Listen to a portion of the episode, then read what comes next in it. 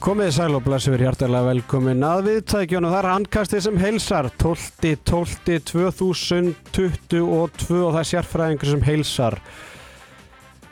Óli Steldin, hún er farin í jólafrí, henn er lokið á, að þessu ári en langt í frá að vera búið hins vegar tíabilið. En handkastið, það er langt í frá heldur komið í jólafrí og ætlum að vera með okkur bara nánast að út Já, bara fram á árumótum og svo aftur að sjálfsögðu þegar HM byrjar. Því líka veistla sem það verður HM hangasti verður nánast á hverjum einasta degi á meðan að uh, mótið mótinu stendur. Og já, við erum að tala um að ég ætla að byrja það veistlu bara strax 21. desember. Pitturinn er alltaf að mæta Kristján Einar, Bræði Þórðarsson og Maggi Þórðar. Þetta verður eitthvað meiri veistlan en meirum það síðar uh, við erum mættir í hvað, fiskabúri bara, gasklefan eða hvað sem við köllum þetta. Með mér, Styrmir Sigursson Styrmir Snikkis og Ásker Gunnarsson. Geiri, Geiri Gúrka eins og hún kallar hefnaðarinnum vegan, eða ekki? Heldur betur. Gaman að fá okkur drengir, hvernig eru þið? Bara góðir, Það en þú sjálfur? Bara feiknægilega góður ég, ég veit ekki hvort þú að spyrja, það er búin að vera mikið álaga mér búin að vera að leika náttúrulega bara síðustu tvo sóræðinga síðustu tökudagur á morgun Ok, og er er þetta eins og þið segja í bransanum að þetta, þú ert eða bara í 16 tíma og svo ert þú kannski bara að gera eitthvað í 12 mínútur Já, og já. svo bara ertu bara að býða Já, ég og Teddy erum búin að standa sólæðingsvegt núna í Mimosó síðustu tvo daga og það er bara vakan heldur áfram og svo byrjum við strax aftur á morgun síðustu tökudagur og hvernig fá að sjá afræksturinn Herðu, eins og ég segi, ég er bara leikari sko ég, Þú er að spurja hérna, framleiðendur á því Og býtu, er þetta þetta afturölding? Já. Spennandi. Dóra DNA hérna, já, fleiri sem eru að baka við þetta. Mhm. Þannig að þú klára bara þarna og svo fyrir beint í næsta verkefni að leika. Já, og svo fer ég að lýsa Valur Ístað annað kvöld sko þannig að það er, ég er endur að nætu eftir vinnunum minni nótt sko þannig að hérna það er margt framundan en gaman að vera með ykkur strákar. Sömuleiðis. Herðu, uh, eins og ég sagði, jólafrí komið, jólisteil Karla, tveir leikir í kvöld á baki, frábær skemmtun á báðum vikstöðum, uh, þessi umferð dreifðismá, síðan voru tveir leikir á lögadaginn og einn á föstudaginn, það var svona smá svona frí í gerð, þriði aðvendu, handbóltin er ekkert að spila þriði aðvendu, það er nú bara svolítið svoleiðis, ég veit ekkert hvað umferð þetta var, sumlega er búin að spila 14 leiki, sum 13 og aðrir 12, En getum við farað að sí það bara, viðstu, við erum að ræða þetta. Af hverju dreifist hún alltaf bara á 5 daga þú veist, þessi blessaða umferð? Mm, föstudaginn er alltaf bara af Evrópa Já, já, ég get til að skilja, en þetta er búið að vera svona í allan vetur, þú veist, bara Já. með raun og hinlegin, bara tveileiki, tveileiki, þú veist, er þetta dómara vöndun eða? Mér finnst þetta bara mjög hugulegt sko. Taka förstaskvöldið, eitt léttur Svo laugadaginn, Tveir léttir. Tveir léttir Svo mánudagur, bestidagur vikunar. Þunnur og sunnudegi, Sunnu- Já, engin leikur. já, já, Ég er að fíla þetta sko. Já, ég er svona, veit ekki hvað hérna, við hefum alveg rætt þetta hérna strákandur í, í setjumbilginu hvað svona væri best fyrir hérna handbóltan og þú veist, ég mitt sagt sko þrýleikar á sunnundegi byrja bara tvö bara Já. tvö, sex, halv átta eitthvað svona sko Mhm. Sko, sem svona hlutlösa árendi, þá, er- þá er ég alveg sammála og get skilið svona beauty í þessu, en þegar maður er að reyna að fjalla um þetta, sko, þá er, þú veist, eru leikindin sem voru fyrir helgi, maður bara valla, Já, ég maður valla hvað ég var að gera um helgina Föstudagurinn er alltaf aldrei það sem að neitt vill sko Nei. þannig að við höfum það alveg að reyna en, en hérna veist, svo vill setjumbilgi önna eða stöð tvö vera með hérna uh, vill vera með þess að tvo leikja mánudum í, í að- aðdraganda setjumbilginu sjálfur. Þannig að þetta er svona það er marg sem spilar inn í, ég held að Káa Hörður vilja ekki spila á mánudum, þannig að þeir þurfa að spila á lögataða sunnudag og Mhm. þetta er allt saman eitthvað svona uli en líka Káa þarf hann alltaf að spila svo ulisleiki og, Jú, og meira, meira, meira til en viltu bara- ræða nei, meira? Nei, nei, við bara vinnum með það sem við fáum. Já, já, við gerum bara gott úr þessu. Það verður frábær þáttur framundan. Snikka sig, það ætlar að gefa hver einasta lið í ólastildinni engun eftir uh, sína framistöðu hinga til, hann ætlar að gefa einhverju leikmanni það sem ég kalla sérfræðings engun, það sem er topp engun og svo ætlar að gefa ponsu engun, það er fall engun Já. Sammála því að Góður. Góður. Herðu, svo ætlum við að ræða hérna, ég með aðtilsvara tölfræði Gers Guðmundssonar í, í vetur, hún er uh, ótrúleg og við munum að ræða hana. Ótrúlega loka mínútur í, í Móselsbænum ótrúlega senur fyrir norðan uh, fallslagur í breiðaltinu og meira meira til Rúnars Kárahotnið Dómarahotnið það verður á sínu stað. Og ég veit ekki hvað og hvað. Herðu, og, og, og hérna, já, ok, ræðum það meira síðar. Hérna, förum á í, í Garðabæinn strákar þar sem að stjarnan og F-fáingar þeir gerðu jættum með 29-29 eftir að staðan hafi verið 10-13 F-fáingum við vil í eitt jættefli í þessari deild. Þetta er orðið ótrúlega Tergir Grímsson markaðustu stjórnumann með 8 mörg úr 16 tilraunum. Starri 6 á 6 og Tandri 6 af 11 markværslan allt í læ, ekki gott F-fangarnir Ánfild Döler og Áspjörs Fyrirssonar með Axel Reyni markinu með 11 var að bolta. Jónis Berg frábæri lið F-fangar með 7 mörg og 12 skotum á ási.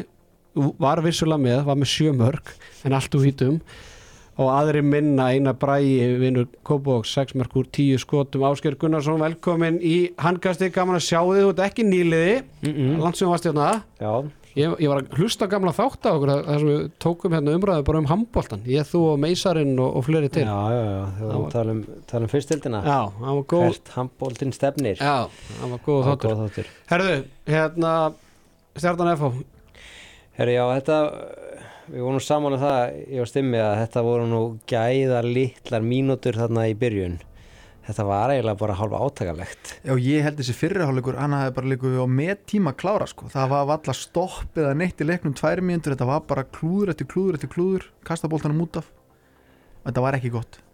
ég held þetta að vera að fara í svona sama eins og hérna gróta selfos að það er bara 2019 eða eitthvað í, í leikslokk sko þetta var bara já, maður hugsaði sko FO fengi alveg bara tækifæri til þess að komast jafnvel sko fjórum fimmörkum yfir hérna á tímabili en, en hann var bara að verja fáralega vel í markinu döðafæri Arnó Freyr. En þetta var bara, þetta var lélegt að báða búa Fyrir maður í, í fyrirháleikin stemmi þar sem FH-garnir voru 13-10 yfir í háleik eins og er að ræða. Fyrirháleikurinn arfa slagur á halvu Garbæðingu og það var ekkert sem benti til þess að þeir myndu ná sér í stíg úr þessu leik Nei, eins og því, hann var bara ömulegur frá A til Ö og sérstaklega sóknarlega. Þetta var svo hægt, þetta var svo hugmyndasnutt og það er hann að hvað á 16. mínútu eða eitthvað sem að Patti tekur leikli og það heyrist bara í útsendingunni bara þetta er svo hægt að ég myndi ekki svona að horfa á þetta eða eitthvað, ég manni hvernig það orða þetta. Og það var alveg rétt, þetta var bara, hann hitti naglan á höfuð, þetta var glata, þeir voru bara eitthvað að gefa á milli fyrir utan. Engar eitthvað skipulaðar árásir eða ógnir og, og þeir voru svona allir bara í sínu hotni að drippla og þú veist þetta leit bara virkilega illa út svona, og í, eins og segir í háluleik var ekkert sem benti til þess að, að stjarnar myndi koma tilbaka.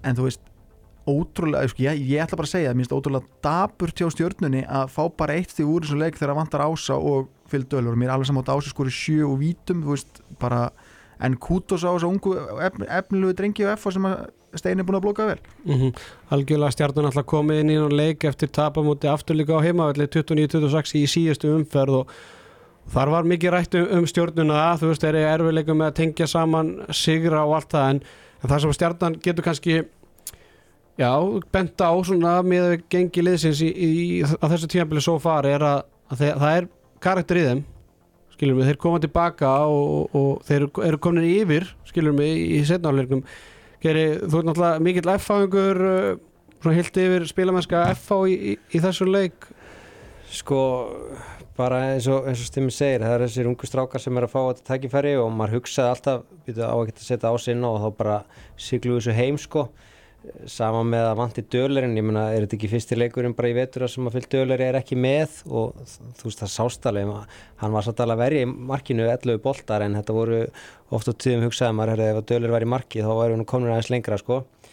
En bara, þú veist, sem F-fáingur þá var náttúrulega bara frábært samt að vera að sjá alla þessa ungu gæja að vera að fá þessi tækifæri og þetta Hvað ungu gæður eru að tala um bara svona fyrir hlustendur? Eru ekki að tala um Andra Klausen, Jónas Jú. Berg? Veigar, Veigarsnær í, í hotninu og auðvitað einar öll sindra þó svo hann sé kannski ekkit hérna, þannig að ungur með hvað hann hefur verið lengi á, á bekknum og svona, jafnaldri Veigars uh, og, og, og fleiri. Þannig að hérna þetta er bara þetta er bara mjög gott og hérna af sem áður var þegar þeir voru sérstaklega þeir í allsömu feðgarnir, Haldur og Átni Stefán með bara tíu menn að rúla alltaf, þetta er, svona, þetta er aðeins annað og maður hugsaði, býtu, er verið að rúla núna byggarleikur framöndan og 50 daginn eins og ég skil það og hérna aðeins svona verið að reyfa mön, við mönnum, þannig að maður sem F-fæðingur er bara ánæði með þetta mm -hmm.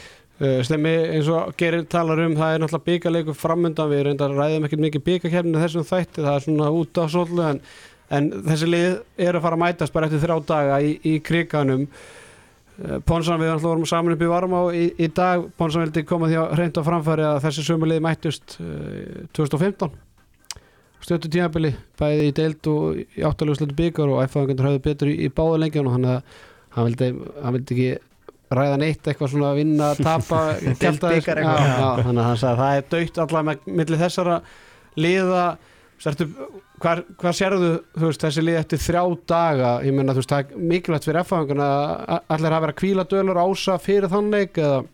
Ef þið voru að því þá sé F-fáðingarna bara klára þann leik. Þegar mér finnst þeir með yngra og ferskara lið.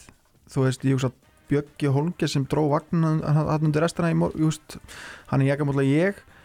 Og ég get alveg ímynda mér hann þurfi nokkra daga til þess að laga skrokkinu á sér. Gunnarstedt var hverkið sjáanlegur, veikur hugsanlega Tandri heldur ekkert að engist þetta er náttúrulega bara þessi, þetta er náttúrulega tölvert eldra lið hjá stjörnunni heldur en F hann að ef að dölur og ási koma feskir þar inn þá sé ég stjörnuna verið í vandræðum en eins og þú hefur komið svo réttilega inn á síðustu vikur að þú veist, ef maður væri í veðmálafinninu þá lætur maður bara stjórnuna eiga sig. Maður veit aldrei hvaða lið maður er, er hvaða típu af liði maður fær frá þeim sko En það var eins og Henry Birgir sagði í útsendíkunni þegar Björgun Holgesson var hann að taka svolítið yfir leikin undir lokin.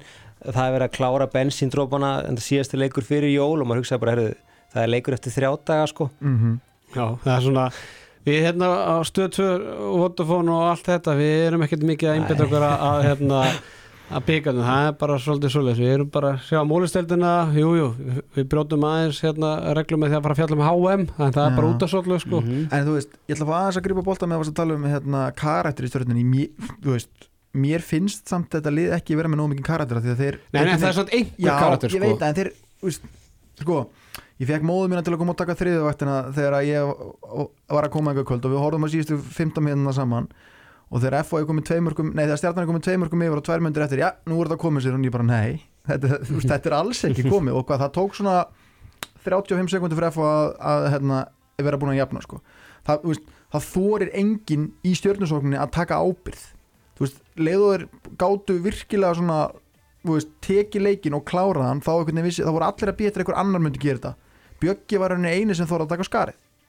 Og, og ég hérna átti samræður við góðan félaga minn sem hefur mikið vita á handbólta um Hergi Grímsson sem miðjumann. Og hann vildi bara meina það að hann væri bara ekki nógu bara taktísk góður á miðjunni. Og ég einhvern veginn svona fór að pæli því í kvöld. Hann vissulega skora 8 mörg og 16 skotum. Mhm. en hann var að taka samt sem bara Já, hann var samt að taka þvælu ákvarðanir inn á milli og enn og aftur eins og Lógi Gersson er búin að tala um í allan vetur æfa lokasóknir. Stjarnar var ekki búin að æfa neitt í þessari lokasók sko, þeir hvað, fá 25 sekundur til þess að stilla upp. Þeir skerma tandra og Hergi veit ekkert hvað hann á að gera. Það fyrir bara allt í kerfi. Samt, Ein, Eina sem að stjórnum er vissu var það að Hergir átti bara að fara maður og mann og klára það árás það að endingunni hefði að það sóknina enda þannig að hann hefði bara maður og mann á, á Gústa Birgis þú veist, hann var aldrei að fara að vinna þessu orustu maður og mann sko. Þú veist, Gústi Birgis var aldrei að fara að tapa þessari orustu í loka sók skilur mig, þannig að það að þetta hafi verið upplegið með 25 minna sók framöndan ég, ég bara, þú veist, já þeir hafa ekki eftir þetta og nei og, og- bara eins og þessi aftur að, að rauninu koma Hergir sem miðjumanni, þú veist, menna, hann er Íslandsmeistar með Selfossi í vinstrahóðinu og kannski leisti miðjuna kannski 500 af, þú veist, þegar Elvar og Haugur og þeir voru, þú veist, út af skilur Mhm. svo spilar hann á miðjunni í selfosliði í fyrra sem veginn þú veist, hann var bara stór fiskur í lítildi skil- já ég segja, já. hann var bara stór fiskur í lítildi tjött og fekk bara mikla ábyrð og nóg að gera þannig er hann komin í lið sem að verða svolítið kannski bara að spila skittunar inn og mér finnst það bara ekki vera að takast nú vel fyrir utan hann fyrsta leiki, fyrstu umfæra móti FO í kriganum sem þetta var bara, herru, wow, hvað eru við komin með henni í hendunar Mhm. þannig Al, algjörlega sammála því eins og hlustundur heyra þá hefur hefur viðfræga lag Adam með Víró verið undir síðustu mínútur Adam Torstensen var komið ágætlega góða innkomi inn í hann leik var með 5 varða bolta 38,5% markvöðslu. Hann, hann á alltaf heiður þann heiður að fá lagið sitt hérna í handkastunum ykkur Þetta er geggja lag. Þetta er mjög gott lag. Ég, ég tek þetta alltaf þegar ég er svona ásaltbækinu eða ykkur induveli sko. þetta er bara að keira mann áfram í gegnum En einn pæling með það, sko, nú er Adam, er, hann er undir 21 landsmarkvarn eða ekki? Já, hann er samt að spila í svona þryggja markvarða teimi í stjörnunni er það ekkert spes eða? Það er svona þrýr markmenn stjörnunar inn á í þessum leik Já, ég held að Siggi Dan sé nú valla búin að snerta parkiti samt í vetur sko. Já. Þetta hefur nú aðalega verið Arnór og Adam og Arnór grí- glímt við meðslan Arnór verið samt frábær í þeim leiki sem hann hefur verið að spila Mhm. þannig að og svo hefur Adam náttúrulega sjálfur verið að glíma við höfumeðsli og, og anskotin þannig að ég held að Patti hefur bara tekið það ákveður síðust tvö ára og hann hefur bara ekkert vilja að losna eða skilja þóra að, að leysa neitt undan samningi sko. en Adam Torstensson allavega með fimmara bolta og, og kom sterkur inn í, inn í þennan leik Það er ekki að segja skilja við þennan leik eða? Jú, eða þú veist, viltu með Já, ein- ætlum að fara einhvern Já, veginn já, já, koma já. einhvern að Já, með einhverju ekki, ef við ekki bara gera það svona eftir því sem við fjöllum um liðin, það best jú, sko. já, ekki, ekki spurning eh, Stjarnan, hvað einhvern ætlar að gefa stjörnunni eftir, býtu, eftir uh, x marga leiki sko, ég ætla að fara í hans yfir þetta, þeir eru í sjötta seti deildarinnar með uh, 14 stig, ég held að skýslan er eftir að koma inn hérna, Já, sko, er- með 14 stig uh, með öfnur stig í IBF já, ég vann þess að heimavinnu semst fyrir leikina í kvöld en var tilbúin að stjarnagat átt 0,5 inni eða þeir gotu mist 0,5 eftir hvernig þessi leikum myndi fara. Þannig að ég ætla bara að halda með einhvern sem ég gaði mig í dag og það er bara Akademi 6 þú veist þetta er undir pari við, við, það, við, við því sem já, sem við byggum stæðum og ég er svolítið að gefa einhvernar út frá því hvar veist, ég held að liðin yrðu þegar við vorum að keira þetta móti í gang að sjálfsögðu. þannig að ég setja það sem er sexu Hvaða leikmaður fær sérfræðinga einhvern, topp einhvern? uh, Arnó Frey Markmaður, mér er hann búin að vera góður í þeim leikjum sem hann hefur verið með, hann er með 34% vörslu eða eitthvað ég vetur, hann er mér svona þú veist, vildi taka hann út fyrir, annars er þetta búið að vera svona heilt yfir bara miðlungs svona lið sko þannig séð, geta miklu meira. Hver fær ponsu einhvern? ég sko var að velja á milli Herges eða Arnafris nýliðan í liðinu og eftir hann leik í kvöld þá verð ég bara að gefa Arnari Freyja því að hann sko, hann styrkleiki síðustu ár hefur verið hrikalega öflugur í bakverðunum en sko hann lit Jóhannes Berg sko fýbla sig trekk í trekk í trekk í trekk í kvöld. Fótt í Flórit á miður tíðanbili örgulega eitthvað samlingsættir en mér finnst það samt bara spes og þannig að ég ætla bara að, skella þessu á, á Arnar Frey Arna Freyr fær ponsu einhvern stimma snikkes í handkastinu og ef að menn fara eitthvað að rýna það þá geta það verið mjög ánægð með að fá ponsu einhvern Nú býttu, býttu ekki ræða það eitthvað mikið, vera bara einhvern, það er fall einhvern í handkastinu það er nú bara svolítið svolítið Herðu, F-fáingarnir, hvað fá F-fáingarnir í, í einhvern? Þeir fá 8-5 bara búin að eftir erfiða byrjun þú veist, þið gátt ekki fyrstu tvær spurningarnar á prófunu en svo kom spurninga 3-4-5 og þá fór þetta alltaf að rúla hjá þeim. F-fáingarnir öðru seti deildar með eftir 13 leiki með 19 stig 8 7 leiki 3 jafntefli og 2 og 2 bara góð þróun á liðinu. Minna, vandamáleir í fyrra var að þeir eru bara bensilusir því að hópurinn var og, og, og lítill og Steini er klálega búin að læra því og er búin að þú veist, blóka fjóra-fimm menn sem hann getur nota núna til þess að þegar hann fer í þessi einvi í, í vor Hver fær sérfræðinga einhvern? uh, þú veist, ég ákvað að taka dölur núna því að það er alltaf ási það mér, finnst bara, mér, mér bara finnst fyrir dölur einn af tveim bestu markmennum í deildinni og bara liðið tikkar hreikalega vel og þeir hefur rúlaði yfir hann leik í kvöld með hann sko. Mm. Hver fær ponsu einhvern?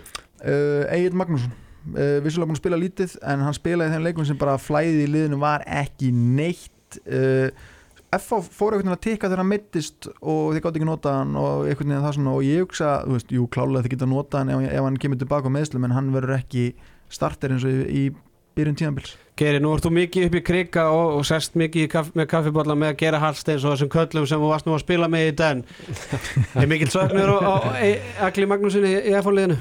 sko ég segi kannski eins og, eins og stimmi það svona hérna það byrjaði að tikka hvort það hafi verið þegar hann datt út eða hvað það var veit það ekki alveg. Uh, það er eins og bara ótrúlega gaman að sjá uh, þá einarana á miðjunni og Jóhannes Berg eða Leonar þegar hann er í skiptunni vera að rúlla þessu þarna milli, það er mikið flæði og allt hannig en ég segi samt það er geggjað núna, ásig komin aftur og hann kemur inn á og setur bara 8-9 mörg á, á stuttum tíma.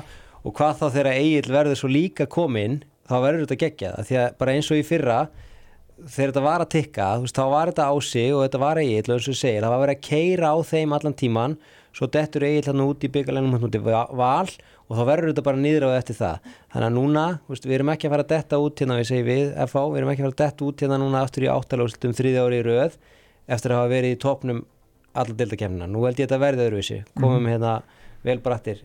Þannig að þetta er eins og blöður myndi segja þegar eigum hann inni og það verður geðvitt Það verður gaman að sjá þegar að sá stóri mætir aftur en vindum okkur í Moselsbæina þar sem afturlíku valur áttust við á föstudagskvöldið staðin í háleik 16-14 fyrir já, löskuðum völsurum en lokatölur 30-30 annað jætteblið í þessari umferð.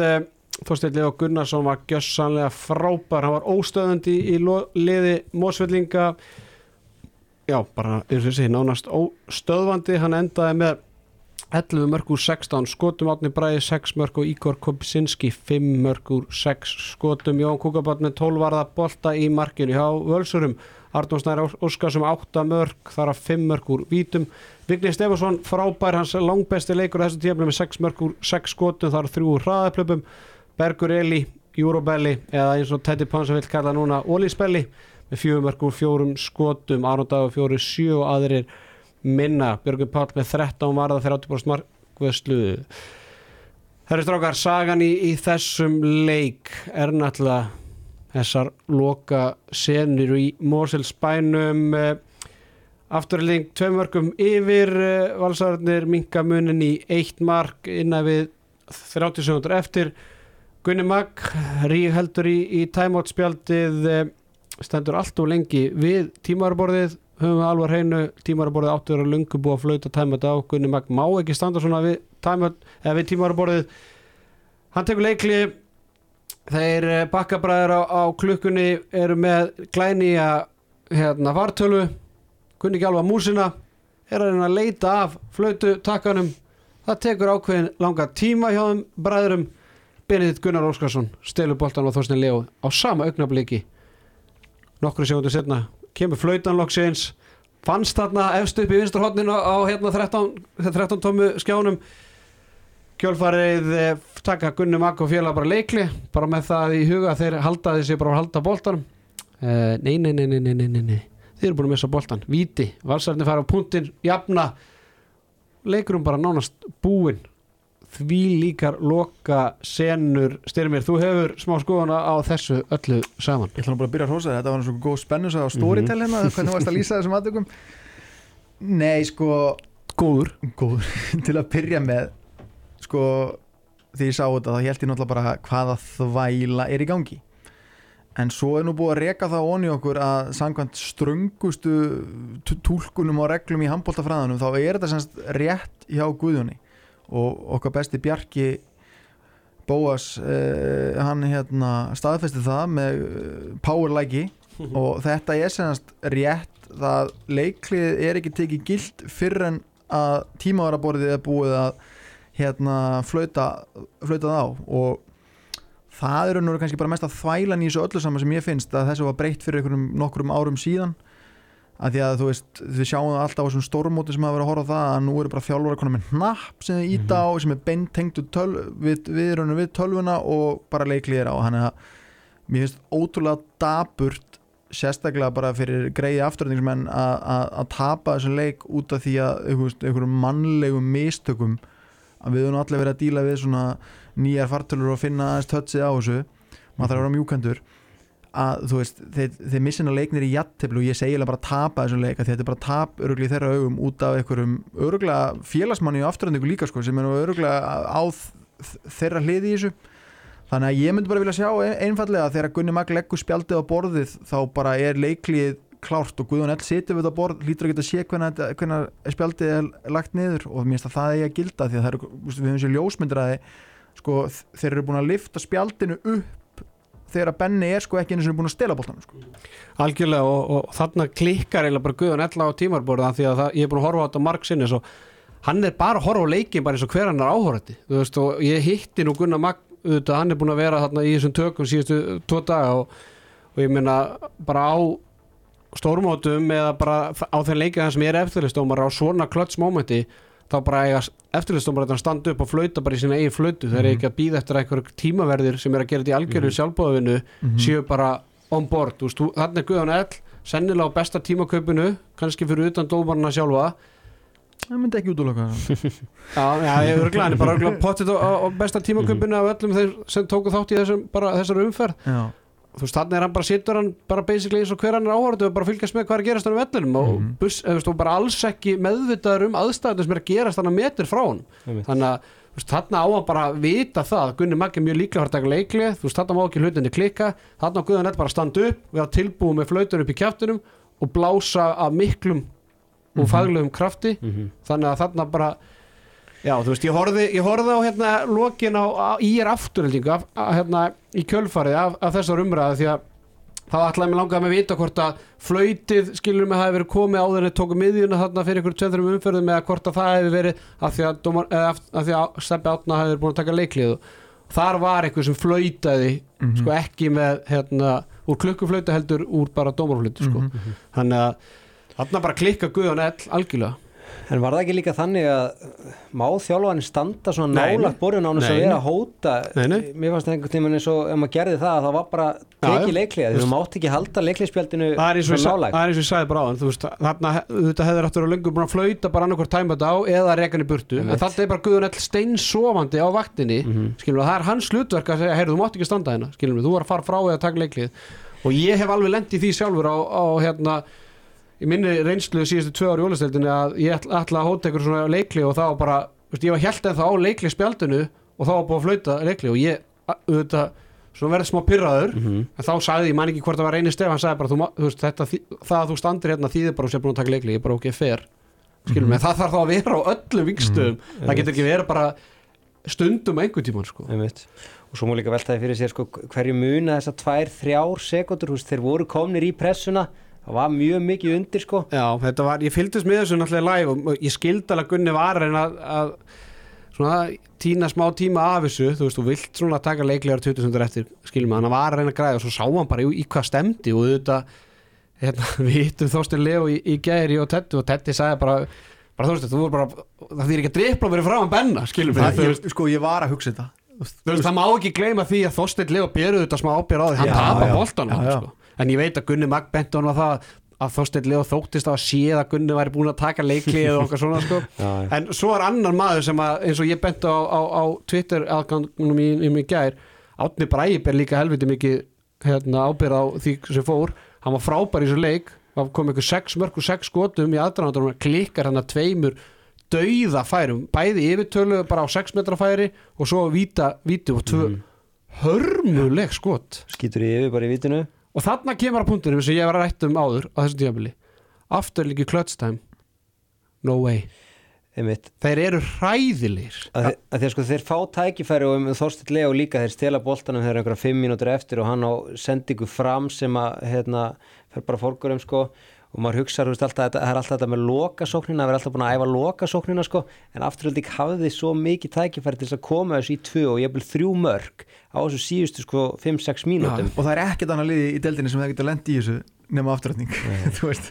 Ó- þegar, að- sko, þegar þeir get ekki eins og klúra þessu sjálfur þá kom ykkur svona bara fáranlegu farsi í gang sem að raunur klúra þessu fyrir það sko. bara geðvitt, það er að senda þessi leikur hafi verið á föstu daginn því að það væri glænta meiri hitt í okkur hérna inni skilum við þetta var en, en, en mér finnst nú bara greiningin góð hjá okkur strákunum en, en Þorsteinn Leo þráttur að tapa þessu bolta var frábær í þessu leik eins og sagði hann með 11 mörg hann er búin að vera í síðustu sjö leikum, nei síðustu sex leikum með 11 mörg, 8, 9, 4 10, 8 Ásgeir, þú náttúrulega þekkir boltan ágætlega í Danmörku bjóst þar lengi.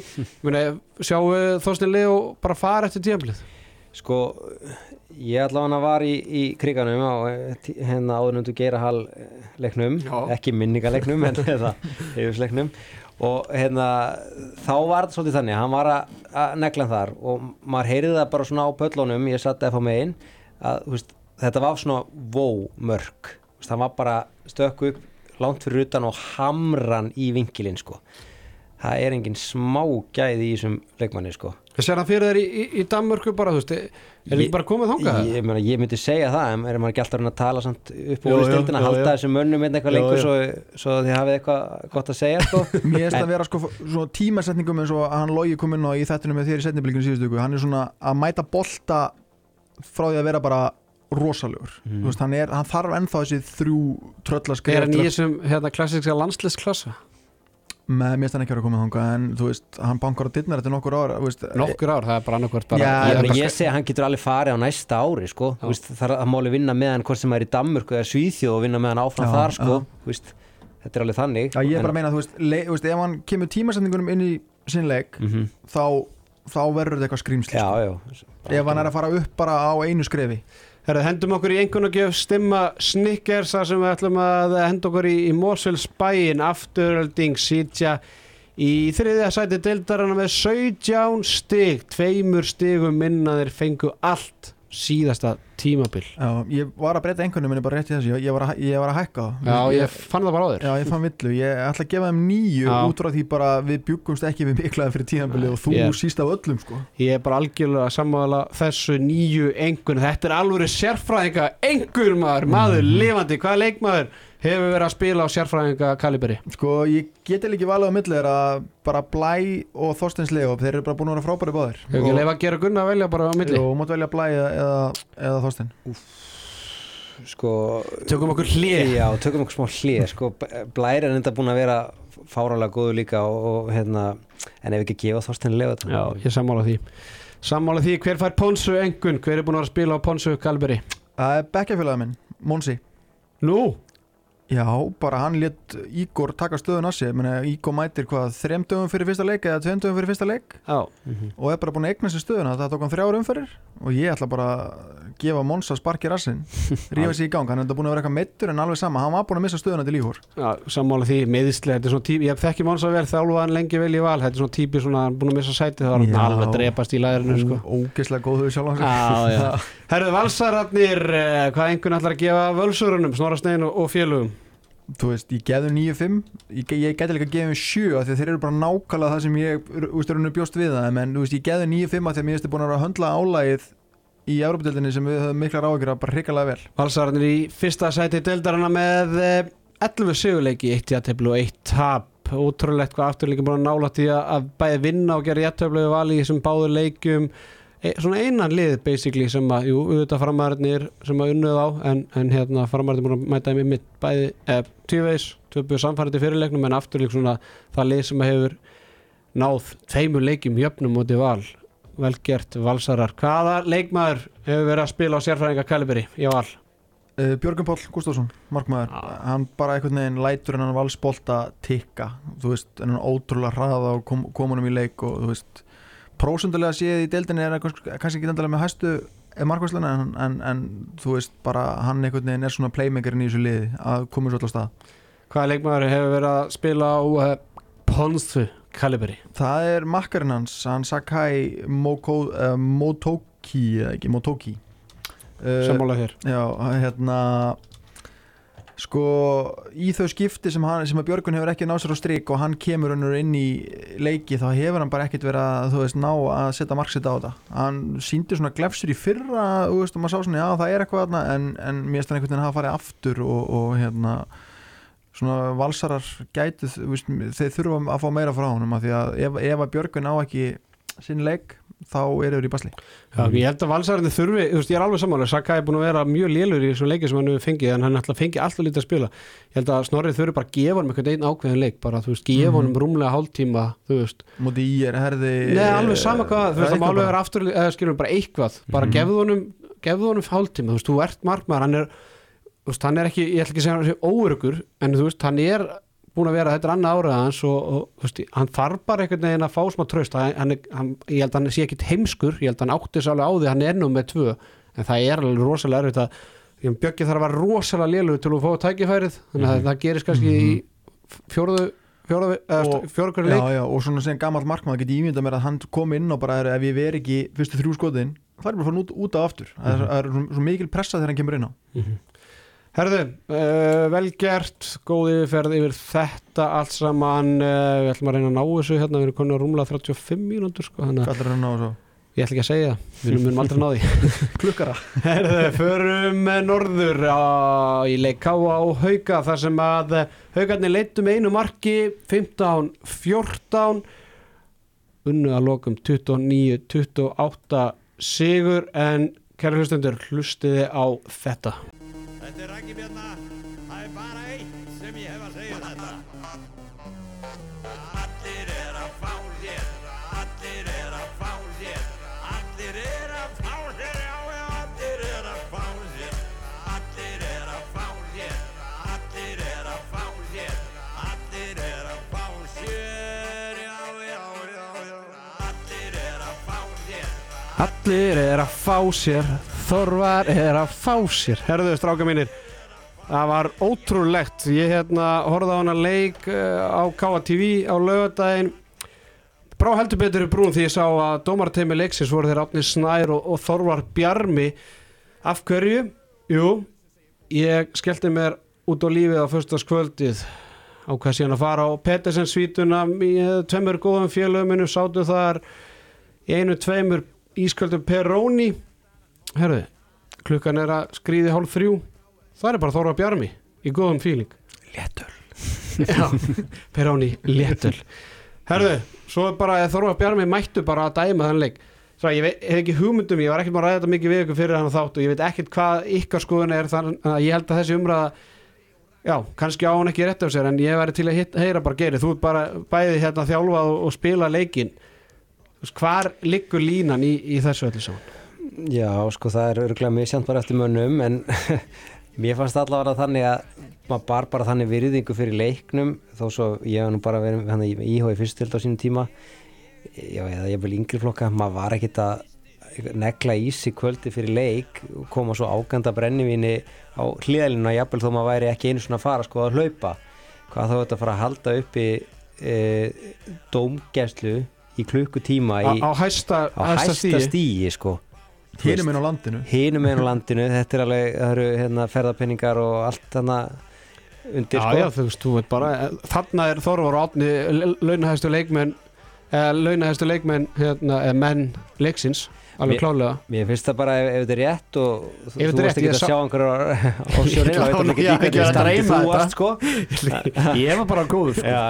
En þetta er bara svona ófaglegt sko Svo ég sé kannski ein, eini maður í stúdíunum sem getur mögulega tekið upp hanska fyrir honum en það annáli fyllibötan að ég segi svona Var hann öruglega í glasi eða var hann kannski bara að skemmta sér, þú veist Ég veit ekki Ég- hvort þetta var nei, léttöl eða ekki Nei, ég að það er stór munur á því, þú veist kannski var Jólabur í vinnun og hann fór með þeim út og, það. og þú veist, skilur hann að ef við vitum ekki hvort hann var undir áhrifum eða ekki, en þú veist, jú, jú, allt til að vera kannski komin undir seng fyrir þrjú nóttina, þú veist, Mhm. ef þú að fara að ferðast ég veit ekki hvernig það ferðast, fljúa kannski hann Já, já. að gæt gæt kannski sofa út þannig að en að, um, frábært að velta þessu fyrir sér og bara gott fyrir menn að vera á tánum að vita að sérfræðingurinn er allstaðar er sko. er en, ég þú sé ekki á staðnum, þá er ég samt á staðnum en, en ég ætla ekki að fara að gera mannuð upp að sem að ég er nú sjálfur búin að leggja setja tapan í flöskuna. Hann gæti hafa verið þarna bara Já, veist, já, á bíl og, Og- bara og það er líka bara gaman að sjá þú veist, þeir eru búin að vera mjög góðir í vetur uh, svona, að, að dæma finnst mér og það er líka bara gaman að sjá nýja andlit alltaf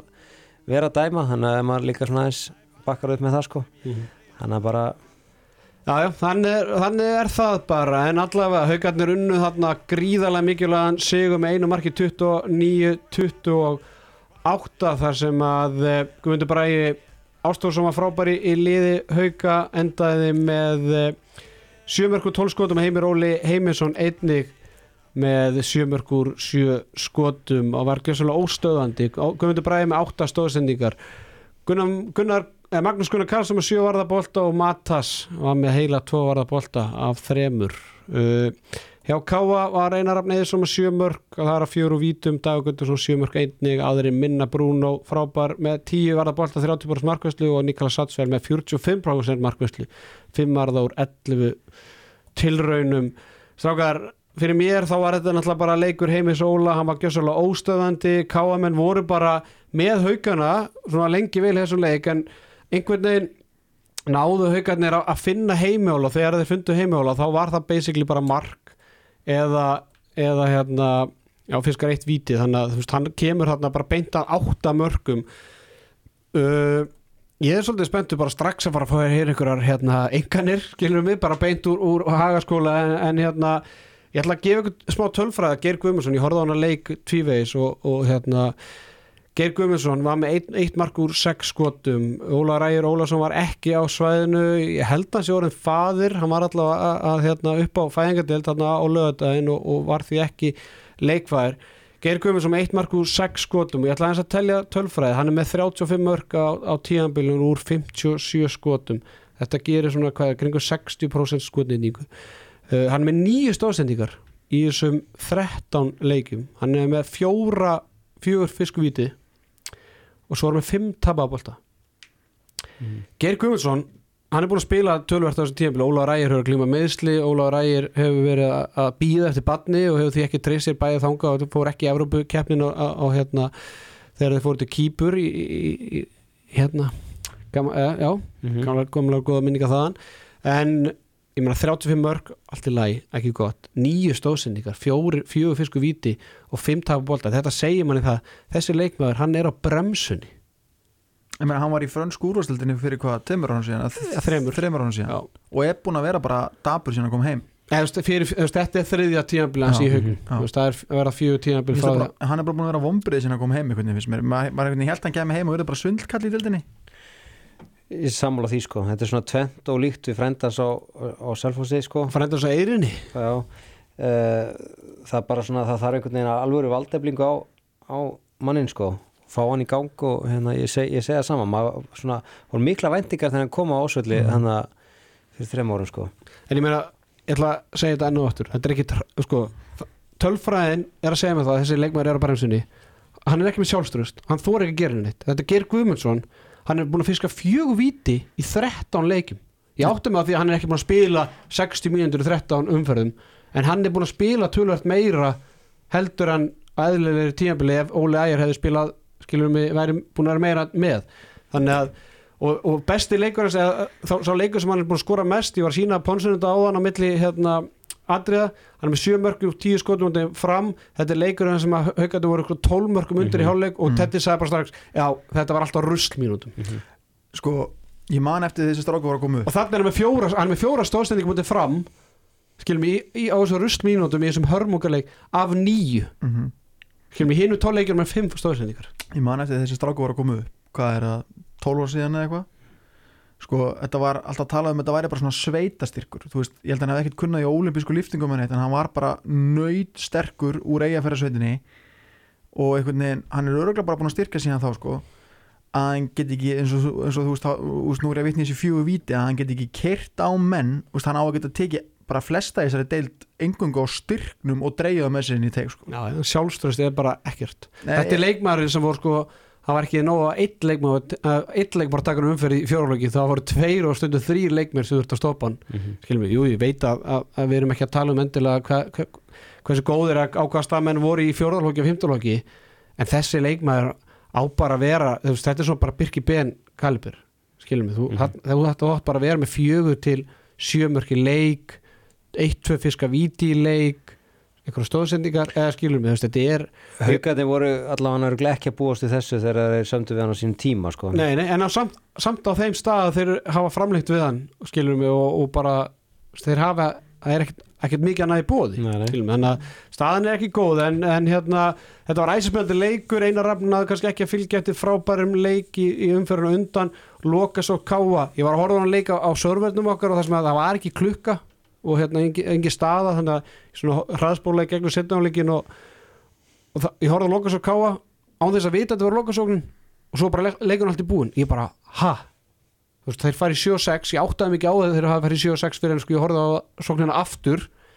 Það sótti engin á markið og þetta endaði ykkur fríkasti og leiktíma basically bara búin, veist, dagur átni heimisson fyrir eitthvað maður á mann moment næri ekki að komast framjá, reyna ykkur línusendingu, búið að dæma fríkast tími rennur bara út, enda með eina rafn þar að skjóta bara aukast, aukast búið. Þeir voru ykkur 30 sekundur sókn í 7-6 Þú veist, og við erum að tala um lokasóknina hjá, hjá stjórnunum og FH Logi Gesson ætla með þetta heila þessar lokasóknir. Mhm. þetta var, þessi lokasókn fyrir á DFT diskin yfir loka, lokasóknir í ólistildinu þetta tímabili. Já og þú veist rauninu keisið hans loga er bara að styrkjast með hverja einustu umferð því við sjáum Mhm. þetta hverja einustu umferð Já. Mhm. eru vartirna svona gríðarlega sterkari Nei, ég held að menn hafi bara ekki pung eða þú veist, ok, nú hljóma eins og sé ykkur kallar en bæði, þú veist, ég held að menn hafi bara ekki bara götsi í það að taka á skarið og bara, herru, þetta er mitt moment, ég ætla bara að egna mér þetta Þeim mitt og svo, svo, svo hugsa maður alltaf eitthvað svona akkur alltaf verið að býða fram á þú veist það er 10 sekundur, 8 sekundur eftir í að fara í árásina sko. Þú veist, akkur ekki bara sækja markið og, og þá allavega Þá, já, þá, þú veist, þá getur þú fengið fríkast og átt kannski ennþá 7-8 sekundur til þess að, þú veist, gera eitthvað sko. Já, maður myndi halda svona eftir því sem lengra líður að þú verður bara stressaður og stressaður sko að þurfa að fara að gera eitthvað sko. Já, svona er þetta. Þetta er, eh, Þetta var með ólíkjundum og en bara gríðalega mikilvæg sigur hjá haugum sem að styrmir eru í sjönda seti deildaran með 13 stig eftir 13 leiki. En förum fyrst, já, ég vil bara förum í haugana, ég vil fá engun frá, fyrir haugana. Já, uh, við myndum svona að kalla þetta pónsuengun Ég ætla að gefa haugum fallengun. Fjóra og fimm. Pónsu engun, já, haugandi fá pónsu engun, þetta er fallengun. Heldur betur, þeir ná ekki prófunu og miðast þú bara nokkuð góðu við mína menn í, í haugunum. Ef við höfum gefið þessu engun fyrir kannski þreim fjórum vikun síðan þá hefðu þau skítfalli en þetta er svona, þú veist, þeir eru allan að ná að grænda út sigra. Já, já, það. og stigasöfnunin er kannski svona eh, að vinna, vinna þeim í haga því að sko spilamennskan í flestum þessu leikjum er bara ekki, veist, að þeir hafa unnin á leik er bara eitthvað karakter sem að haukar hann hafa náð að, að hérna hrúa saman sko og, og hérna matas varði rétt að skotið.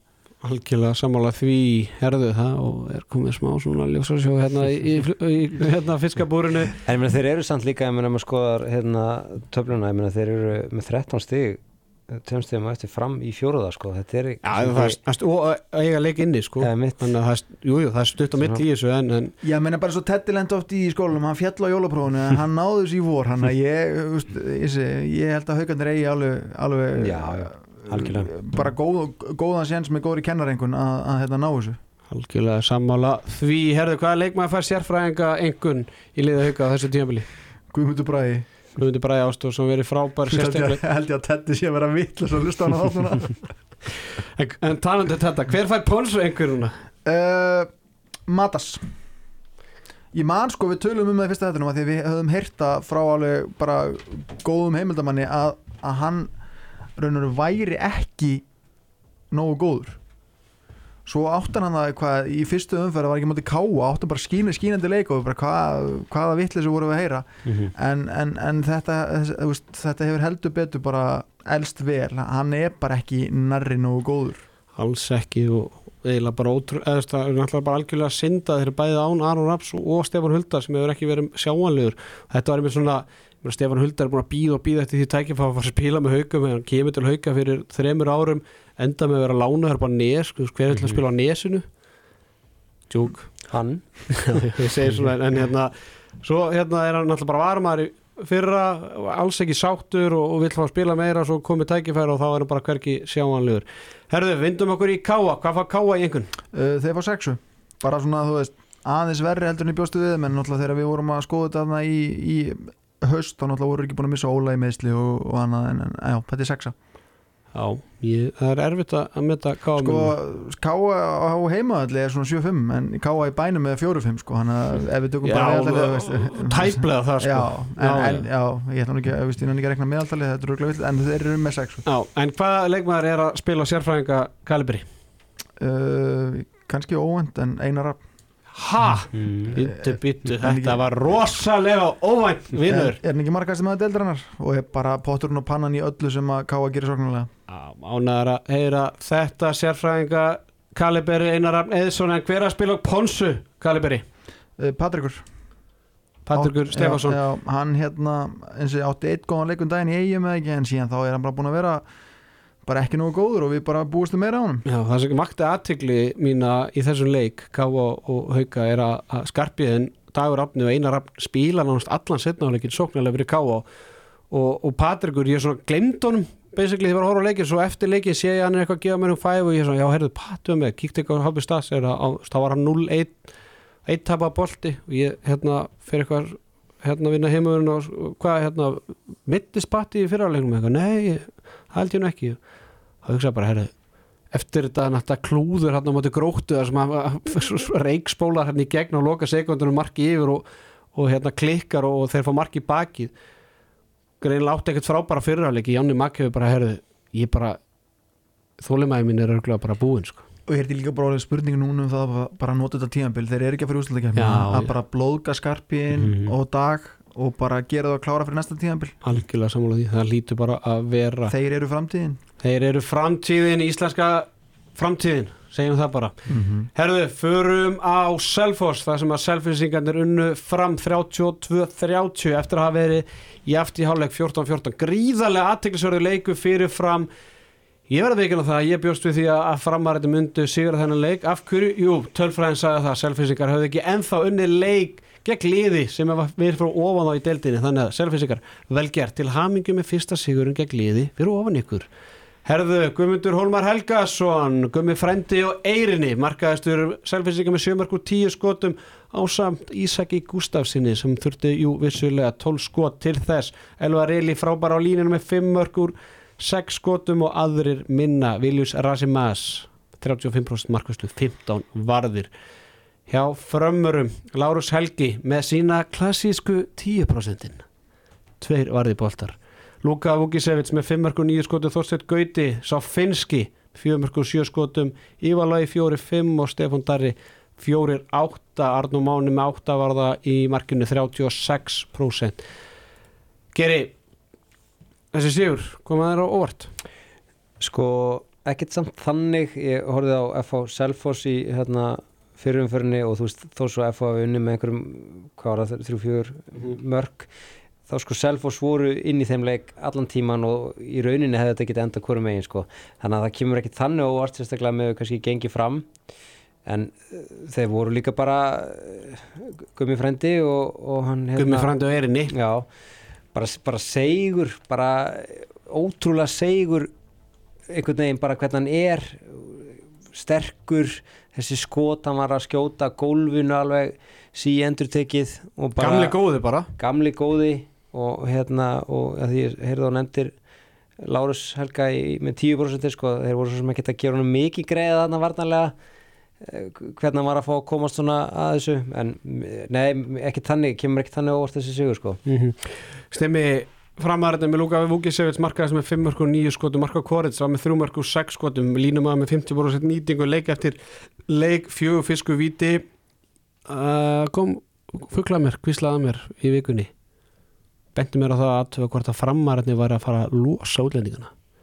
Ég fór og kíkti það að vil enginn kannavist við það en hlustendur góðir ef Luka og Marko verð ekki komnir hérna eftir árum át þá heyrðu það fyrst í hangastinu en ef þeir koma aftur þá heyrðu það líka í handkastunni að það var ekki rétt. Ég sagði þetta allt hérna. En það er allavega ég meina ég hérna en akkur eftir að gera það ég held að það sé bara eitthvað pullandi peningavandra í, í samirinn þeir er alltaf með tvo útlendinga bæði kalla og kvenna. Mm -hmm.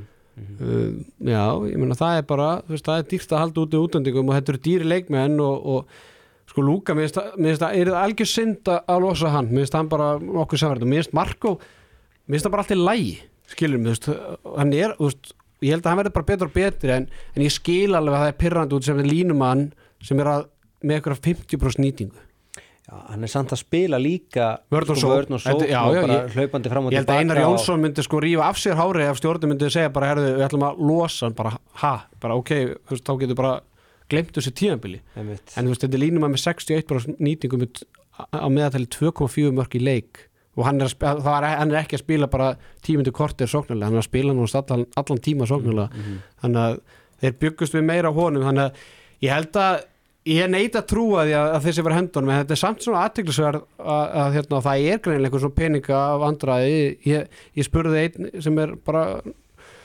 já, ég ætla ekki að ég nafngrin aldrei neina, neina heimildamenn en hann, sagði, hann svaraði mér basically bara já, það er ekki bara peninga af andraði allstað nefnir á hlýðarenda hann var basically að viðkynna það að það eru peningavandræði en, en hérna Mhm. en, mm. en sagði samt að það var ekki til í því en samt, var samt ekki tilbúin að útilega 100% þannig að það er svona, þetta er greinlega eitthvað í vinslu Mhm. þannig að framarar sem er að hlusta hendið peningum í stjórnuna þeir með ekki við því að missa þá Marko og Luka þeir hafa heldur betur krytta deildina, styrmir framararnir það var að tala um þessu gömlu góðu blöður í hendi á Twitter um að, Þóru Ólas hafi gjörsalega sprengt hann, er þetta ekki bara sammála því? Jú, bara algjörlega og þetta minnir svolítið bara á hérna, hvernig Ponsan kom alltaf undan sumri mætti í skólan, hrikalega fersku, lærði heima og var dugluðu fyrstu mánuðina og svo fór að halla undan þessu hjá honum Ponsi, Ponsi, Pons djúvillir ána með Ponsa þemað hérna. en komur óvart þessi Sigur Selfusíka? Nei, ég raun og veru ekki, þetta var þessi klassíski 1x2 leikur millir liðana sem gotur lendi í 14 til 8. sæti eða 14 til 10. Já. þegar við vorum að tippa þannig að þetta var bara svona algjör steg og leikur gætt farið hvernig sem er sko en með hvernig gengi framar var búin að vera undarfarið þá nei þá komið ekkert mi- mikið óvart sko. Nei, sammála því. Leiðum þetta að vera aðeins undir hérna meðan við förum aðeins yfir þetta. Uh, Selfinsingarnir þeir eru með, með 13 stig í 8. sæti deildarinnar og, og meina það munar bara tveimur stigum núna. Þe- þe- þessi, þetta er fjórða til níunda. Það er bara fjögur stig hann á milli. Við höfum bara margir lóu hlustu á sérfrængin, hlustu á handkastið. Við vitum hvað við erum að segja. Þetta er ótrúlegt og sko framarðin sem er í fjórðasæti deildarinnar með 15 stig þeir eru búin tveimur leikjum meira heldur en grótan Mhm. hlustu kæru, kæri hlustundur takk ég eftir í grótan þetta fer ekkert eðlilega mikið töguna og þeir sem eru á nesinu. Hér í handkastinu á tölum um grótuna herðu, hérna Guðmundur Hólmaður er búin að fara yfir þetta frábær.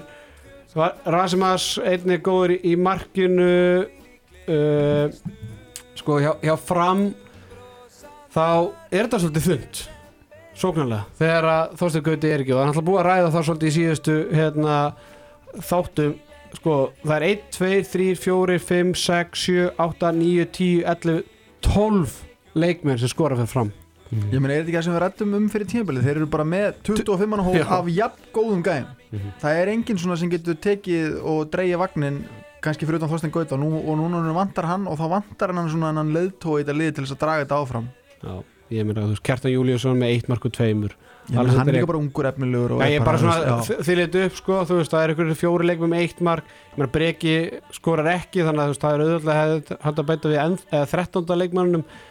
Uh, Markvæslan já, bara alls ekki nægilega góð við kannski ræðan það síðar í, í, í þættunum en ég er bara ánaður með selfinsinga ég tók eftir því, hjóa, eftir því í viðtali við Þóri eftir leikin hann hefur greina hlusta á handkastið í vetur. Hann vissi alveg af því að þetta var fyrsti sigur selfinsinga gegn liðanum fyrir ofan sig.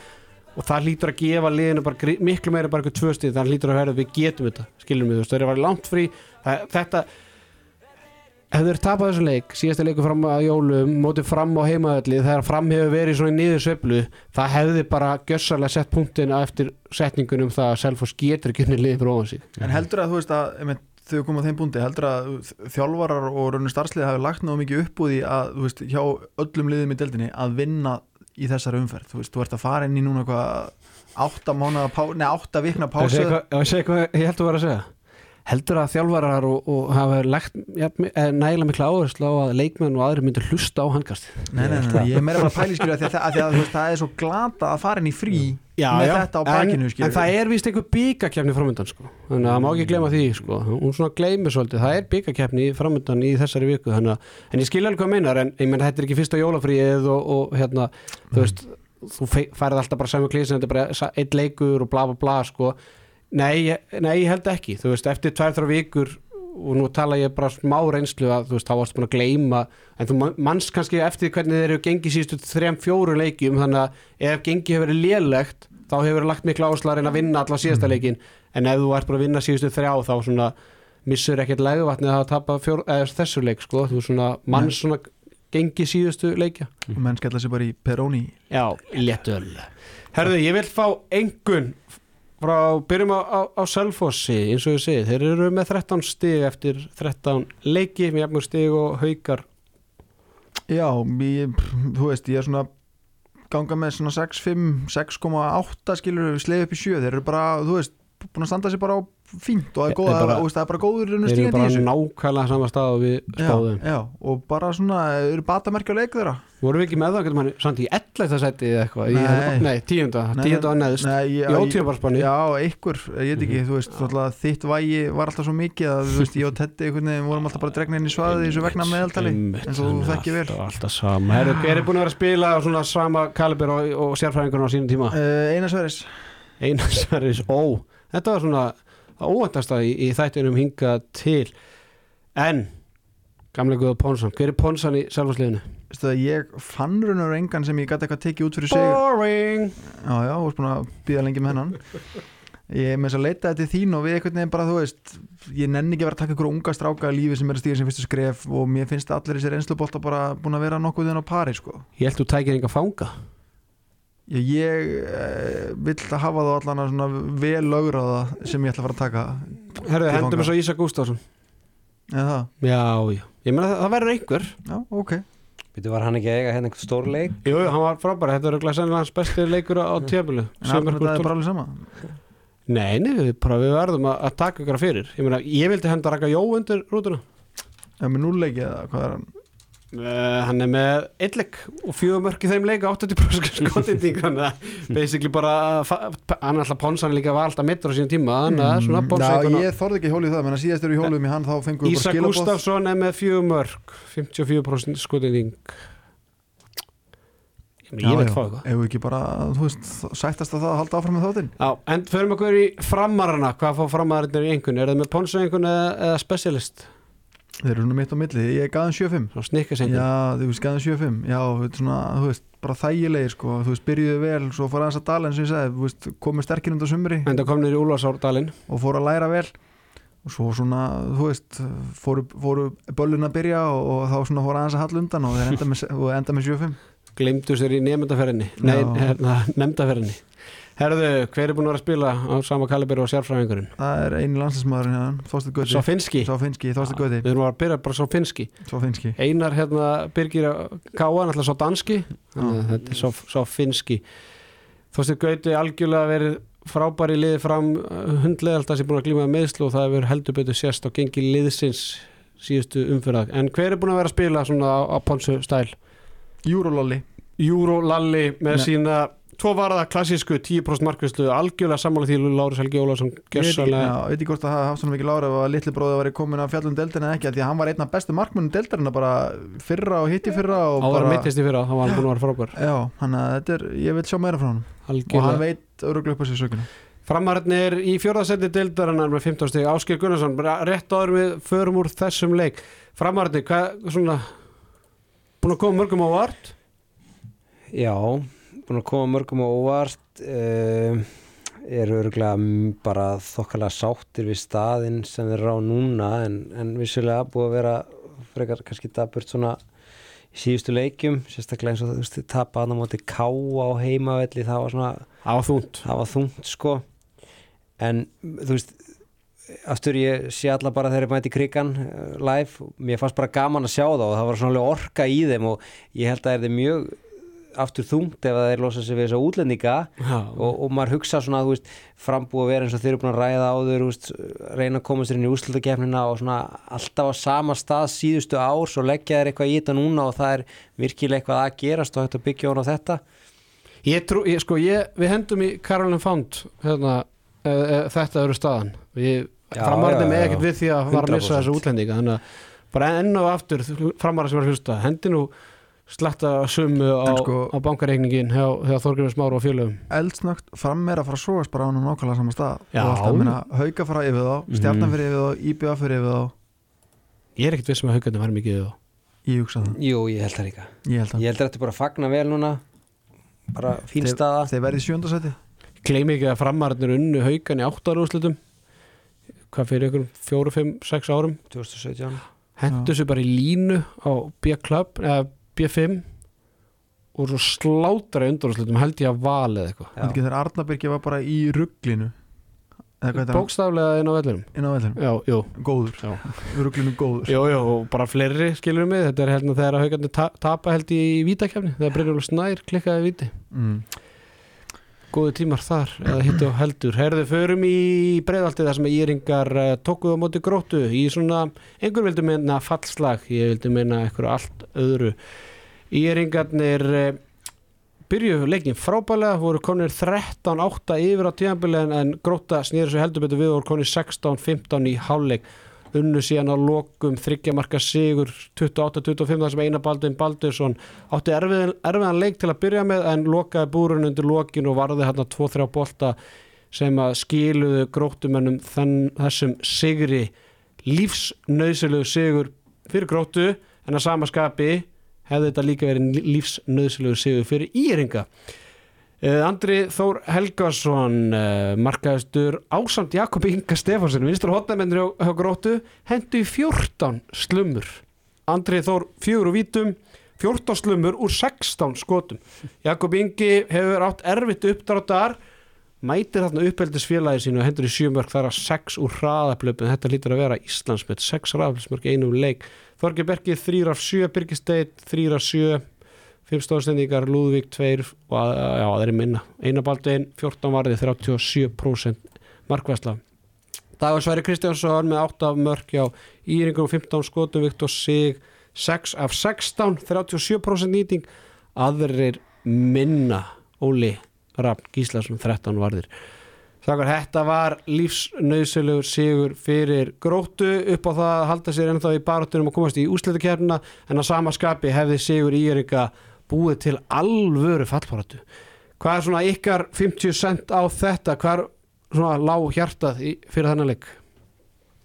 Ekki rífast um mækins, Strákur. Ásker, viltu byrja? Já, sko ég hefði vilja fá er sigur bara svona upp á það að það væri aðeins áfram spenna í hérna sko mér, mér líður eins og núna að þetta sé búið að þeir náu sér ekki upp úr þessu. Og, og, og þar með sé bara þessi tvölið farið niður. Þannig að ég hefði svona vilja vilja sjá þetta lenda í mér en að samanskapið þá er mjög gott að gróttan hafi tekið þessi stig og, og haldið sér áfram inn í bara virkilega inn í þessu áttundasætis slag sko. Og eins og, og sögum á með tvoleiki inni á, á fram. Þannig að þetta er bara Ég er nefnilega þar sko. Ég er algjörlega, ég var á gróttunni sko. Að því að sko ég var löngu búin að setja mig við fyrir tíðanbilið að það er engin fallbarata mm -hmm. þannig að þú veist, þessi tvölið er bara frá falla. Ég, svona einhvern veginn fallbarata mín að þannig verður baratan um þetta áttundasæti og ég vil bara að veist, káa og gróta og það sæki eins mörg steg og ég geta til þess að við sjáum bara einhverja álfuru álfuru veistlu hérna í februar og mars þegar liðin fara að berjast um þessi, um þessi loka sæti sko því að ef að ég hefði stólið sigur í kvöld skilur þú veist ég held ég sé ekki móganitt með því að veist, þeir myndu svona alltaf falla. Þú mér hefðu verið að móðga einhvern, hverjum var ekki? Drullu sama gróttan eh, með 11 stig. Og erum með fjóra sigurleiki þrjú jættefla og fimmtöf, þeir eru með þrjú, þrjú mörki pluss skilum við, þú veist, Mhm. þetta er enn en einn spennu trillirinn og ég hef sagt þetta og ég ætla bara að segja þetta enn eh, bara aftur og aftur og aftur þeir eru búin að spila núna 13 leikja tíðanbílunu 11 af þessum 13 með þessum einum hérna byggarleikum með DFO 11 af þessum 13 leikjum hafa verið spennu trillir þetta er, eða hvað sem er spennu trillur í flertölu, hvernig sem er spennu trillir í flertölu við skulum bara googla það. Spyrum Pónsuna spyrir Ponsuna af því. Uh, Birgir Steinn hann náður sér ekki alveg á strik en hann skoraði mikilvægt markar undir lokin uh, svona típiska yfir þrista blokk hendin uppi moment, uh, nefndi á hann Andri Þór og, Jakob frábærir í, í hotnunum og, og hérna sérstaklega í hraðaflipunum uh, ég er svona sammála stimma að hérna veist, Íringar hefðu vissulega alveg urgett unnan leiku, þetta er falleg staða svona fram að fyrsta februar eitthvað þú veist 7, 9, 9 eitthvað svona, ó, það er loksins eitthvað fallbár þetta jújú, við verðum alltaf sína í ykkur virðingu og þeir hefðu þetta alveg geta gert á bara hellingskilum og vinna bara káa eitthvað einbyrðisverðin og allt þetta, káa er ekki að sækja mörg stig hingað þangað en, en svona miða að vera sá, sá, sá sérfræðingurinn að hérna ég ætla bara að gefa mig það að gróta og káa ná sér eða annað veri óæðilegt eða myndi ekki ná í fleiri stíð en íringar þannig að það hefur verið fallegt á töflin ykkur einn og hálfa mánuð en ég held að það sé miklu fallegra að gróta vinni þennan leik og, og pressa eins á selfisingarna mjafnvel hauka og stjórnuna sko. mm -hmm. Og býtu Hvað bara, ég er að fara að sinna þeim virðingu á þetta sko. Íringarna, Já. á, djúvill er ég spenntu fyrir því. En, en þetta var ótrúlegt, það var, það var mikið sjokk því ég sá að staðan var 13-8 fyrir hérna, ír í þessu leik.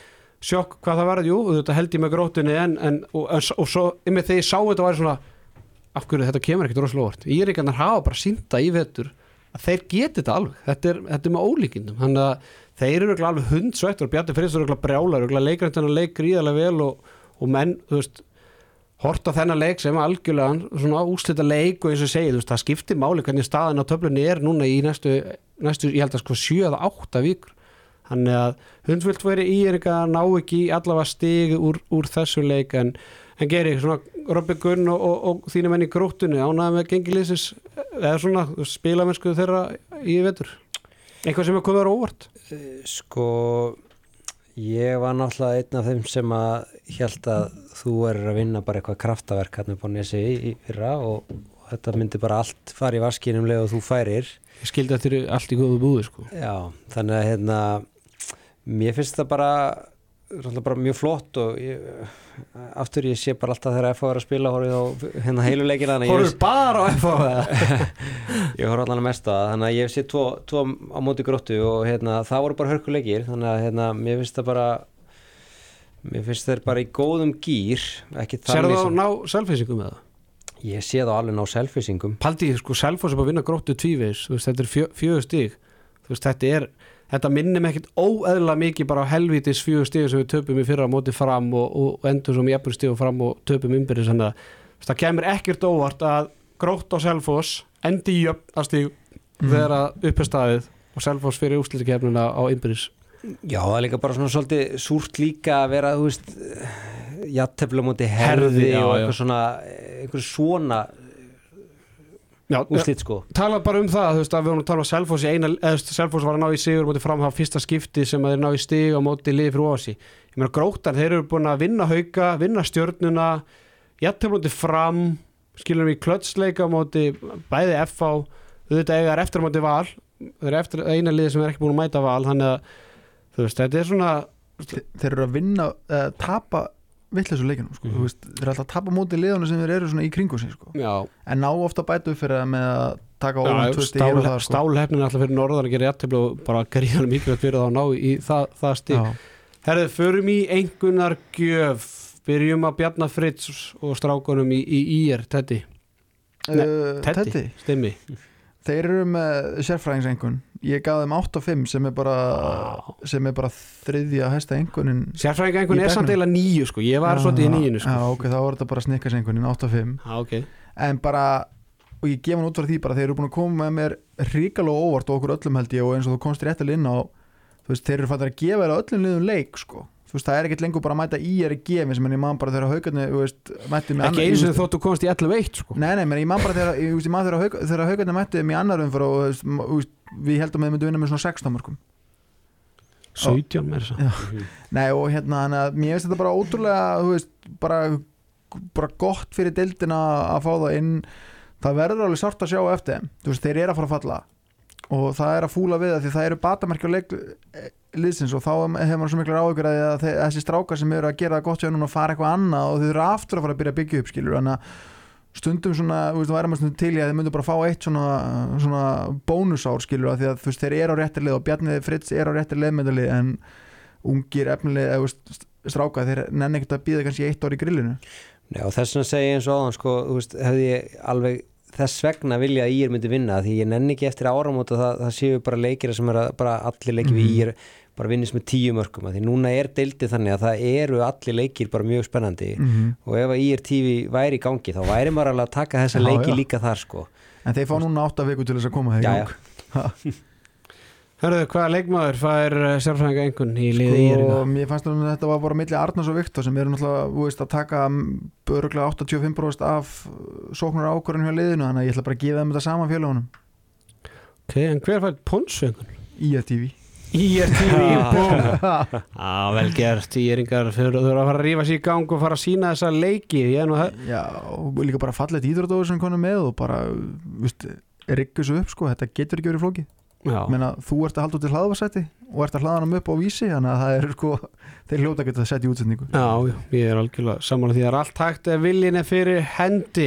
Herðu, ég er að lesa hérna viðtöl og vísi eftir hennan leik uh, uh, aðteklisvært hérna eina baldun er í viðtali eftir leikin og, og segir hérna Birgist eitt hrauna mig og sagði mér að slaka á. Þetta kemur alltaf hjá okkur, hafðu trú. Ég gef hann kút á sér það, hann róaði mig niður þegar ég var orðin brjálaður, já það til að detta í, detta í það en það er alltaf bara góðlátlegt, ég var orðin mjög vel æstur en hann tók mig niður á jörðina og hjálpa okkur að landa þessum sigri.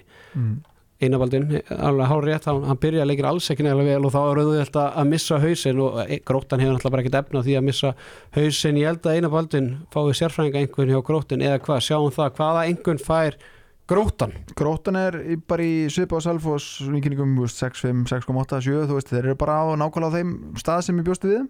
Þú varst með á eitthvað herra þarna þegar við hittumst í Já. þennan haust en eh, fyrir mér eru þau bara nákvæmlega þú veist, þar sem ég bjóstu við með veist, varandi stigasöfnum Ég var basically bara með gróttuna í að þeir myndu vinn Já, þú veist bara, ef þeir hefðu unni selfjós í þessum Já. báðleikjum, þú veist, þá væru þau bara, veist, í Já. þessum pakka, sko. þeir eru, þú veist, ég segi, stigasöfnum þeirra er svona cirka bóta pari en þeir eru bara búin að vinna svolítið spesleiki og eru svolítið að gefa liðunum í kringu sig stígin sín og það er svolítið gallin en hérna, já en eh, svo sem er með, með sérfræðinga einhvern hjá þeim er eh, ein, Einar Baldvin. Hann er bara búin að vera bara einna besti markmaður deildarinn held ég sko, svona, þú veist svona heilt yfir. Já, ég hefði eh, alltaf gefið einari en, en Jakob Ingi Stefansson hefur líka verið gjössalega frábær í, í liði gróttunar þrátt fyrir að kannski átt erfitt uppdráttar í, í síðustu leikjum Einar Baldvin, hann er með já, 33,6% markvæslu, það er bara Bruno Bernat og Niklas Satsvel sem er að spila eitthvað sem eru báðir fyrir ofan, þannig að markvæslinu káa er náttúrulega ótrúlega miða hvernig liðinu gengur á tímabilinu. Hvaða leikmaður fær uh, Ponsu engun? uh, Daniel Griffin Daniel Griffin fær Ponsu svo enguna. svona honorable menn sem ég, ég þú veist kannski var bara frekja mér en ég einhvern veginn bjóst þið meira af Thais Thijs Kokk. já, ég held einhvern veginn að hann er meira, meiri faktor í þessu liði. Já, við fórum að séu það í, í síðasta, það síðasta þetta, en hann, hann byrjaði að krafti, mm síðan hefur þetta dra, droppa helvitin vel niður og -hmm. hann- myrkrið, hann- myrkrið. myrkrið maður, hann er eitt markur einu skoti, þrý tapaði boltar, þannig að eh, það er spurning hvort að hann þurfi ekki að fara heim til Danmörkur, sjá ljósið, hverji, ljósið í Danmörku, það er gott, Það er mjög gott, sérstaklega á Jótlandi. Getur sagt þetta á dönsku, ég veit hann að hlusta, farið heim og sjá ljósið. Nei, ég get það ekki. Gå heim, sí, lys, það ekki, Lýsið, Jú, sé lýs. Varst ekki í dönskunni ég var bara alltaf heima að læra í skólanum sko, á einsku, þannig að Æja, ok, þannig, þannig er nú bara það. Stráka, við erum búin að fara yfir alla þessa fimm leiki sem að fóru fram. Uh, leik IBF og Harðar, þeim leiku að fresta vegna þáttöku IBF í Európkemni og fyrst við erum komin þangað alltaf aðeins að ræða IBF en áður fyrir að ræða IBF þá ætlum við að gefa herði einhvern.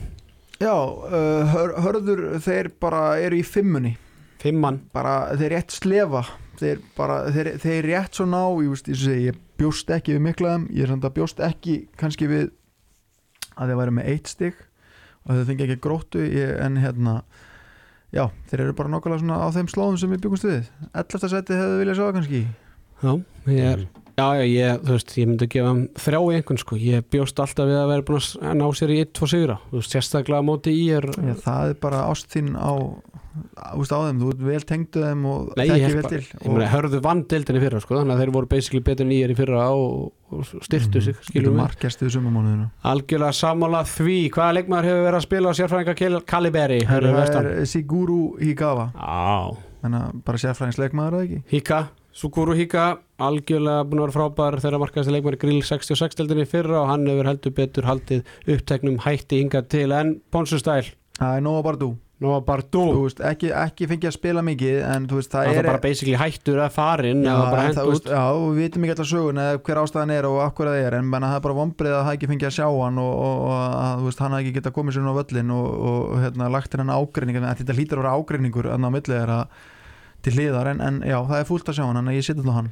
Heldur betur. Herðu, eigamenn þeir voru að spila í Evropakeppninni ekki þó reyðilega keppni Evropadeildarinnar heldur í ykkur undakeppni, í ykkur áskorundakeppni töpuðu í tveimur leikjum samtals uh, 65-59 eftir að unni fyrirleiki með einu marki. Káru Kristján Kristjánsson, hann hendi pillu á Facebook eftir fyrirleiki sem er unnu hvort að það hafa haft áhrif á gengi liðsins í setnilegnum veit ég ekki en hann hendur í status á Facebook. Við eigamenn erum stattir þessa stundin í Praga að spila við Dukla. Ef við komumst áfram í keppninni þá verða leikir nýr okkar kannski auglistir inn á Instagram eh, síðu HSI áfram IBF, áfram íslenskur handbólti ég segi bara þetta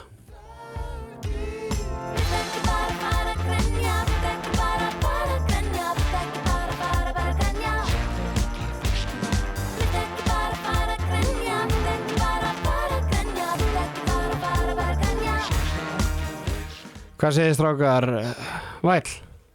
sko fókusin á vitleysum stað Já, var það ekki? þú veist, væll, jú, þetta er kannski áli rétt að sér en ef þú ert að velta þessu fyrir þegar þú ert með félöðunum í Evrópa Í miðji Európa-kefni sko Já, í Prag líka, þetta er einn fallegasta borga Evrópu Já.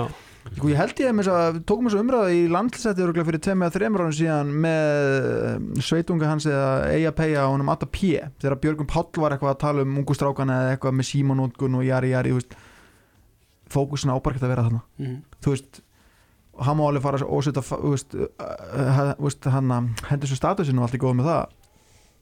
Og fara á netu og svoleiðis ég er ekki að segja að menni bara loka sig af í svona, veist, í svona ferðum en kláraði bara setnileikin og kontu svo með pilluna. Já, veist, hverju var hann að reyna að ná fram? Þú veist, ég meina það kom- ekki linkur með fæslunni og- Ég segi bara Ég segi bara sama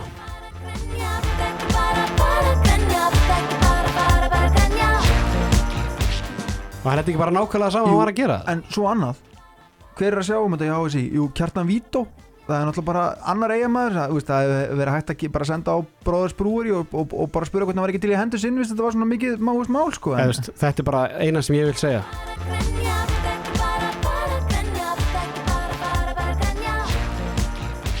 Þú bæta eitthvað við þessu ásker eða Nei, ég, veist, eina sem ég vil segja bara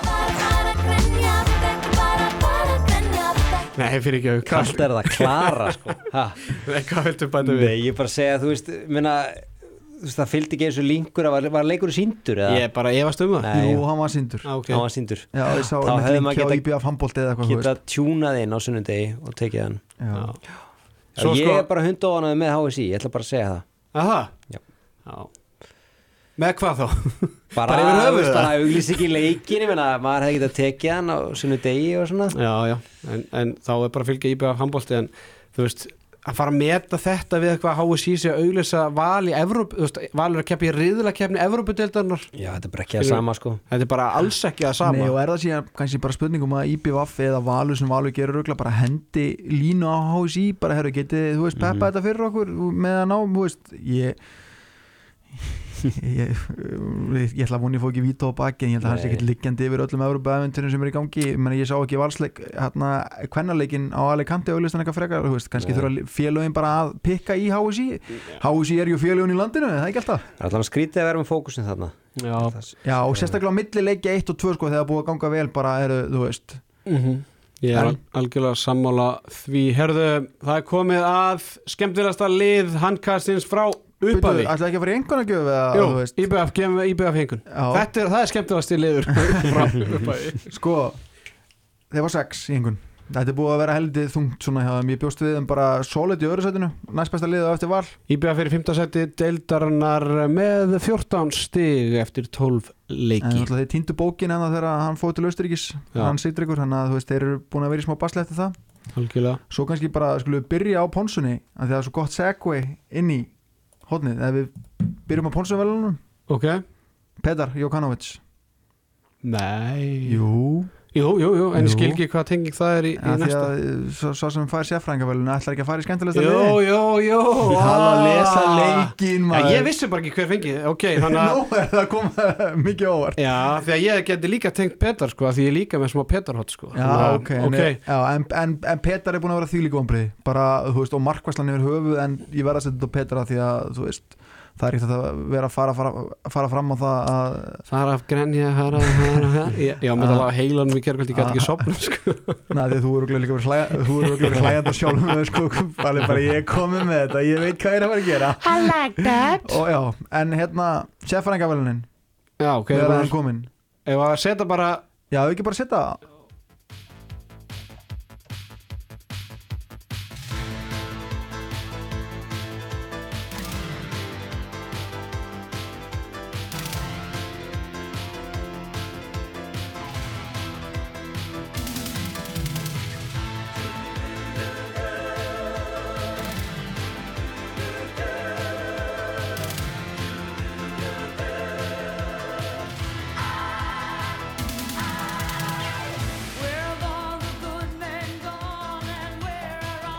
Sagði, hver er búin að vera að spila sérfræðinga Kalibir í eigum? Rúna Kárasson Það er Rúnar Littli Kárásson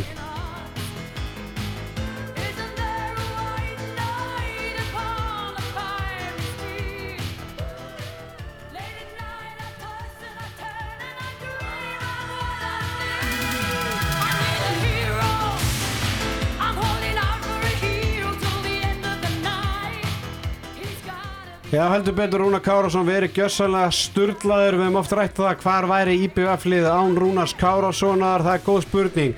En hvar verður IBF án Rúnars Kára á næsta tímabili? Jú, hann kastið allar hendi í bombu Rúnar Kárásson, það bendur allt til þess að hann sé á leiðinni í höfuborgina á leiðinni í höfuborgina góðu.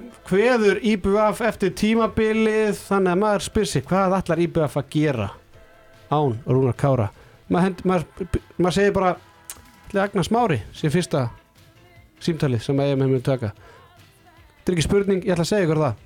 EMN munu ringja beint í Agnar Smára þeir vilja fá Agnar Smára til eiga Rúnar Kárasson hann er samkvæmt hangastinu, samkvæmt heimilum hangastins á leiðinni bara í höfuborgina og það eru nokkur lið farin að bera výr í hann þar á meðal grótan Já, sem er ekki í höfuborginu ha? Seldatónis Já, já, ég var að vinna höfuborgarsvæðið höfuborgarsvæðið hann leiðin í höfuborgina já, hann, hann flytur í höfuborgina hann var alveg hægt að búa höfuborgina en, en grótan er eitt af þeim, þeim, þeim liðum sem hafa heyrt í honum. Og uh, margir velta fyrir sér what the fuck, af hverju grótan jú, hann og Robby Gunni eru fáránlega góðu vinnur mm. Þannig að hann verður farið fræða hlutir spilandi aðstofað svo það sé hægt að sækja aðeins meira Já, í- það getur verið að Þarna Dabbi var Hlöð fræði. fái bara stígvelið það, eftir eitt tíðanbíl en, en hérna önnu lið, ég hef ekki með heyrt um önnu lið Valsarnir, það hefur einhver, einhver kvíslað að mér að- Valsarnir Snorri Steinn vilji fá rúnar til hérna Vals líklega af því að hann býstu því að Arnór Snær fari bara til tíðanbílið ég, ég, viss að, ég veit að það eru tvö lið búin að hafa samband við hann. Það er gróttan og eitt viðbútt, ég veit að Valsarnir er ekki búin að hafa samband við hann en hérna, er það ekki stjarnan þá eða? Ég myndi halda það. Það er ekki? Jú, það myndi frammeir á kúpunni eins og við búið að fara yfir. Mm þannig að eh, það verður áhugavert að sjá það Rúna Kársson bara með fullir vinning fyrir öllum leikmönnum langstærsta sænið sem hægt er að ná í hérna íslensku markaði og, og hérna það er aðteklisvægt að sjá hvert hann fer, þetta er því mikið áfall fyrir eigamennuna en eins og segi þeir munu sækja sér í Agnes Mára Jónsson og alla fá hann. Þeir lenda alltaf á fótunum með menn, þeir finna ykkur annan Já, það er ekki spurning.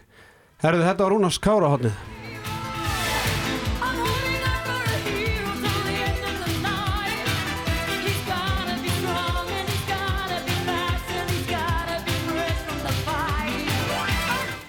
Herðu, áður við ljúkum þættunum þá, uh, já, það er, sko, það er eins og ég búi eigum Það er nákvæmt eins og ég búi eigum eða eigin búi inn í mér.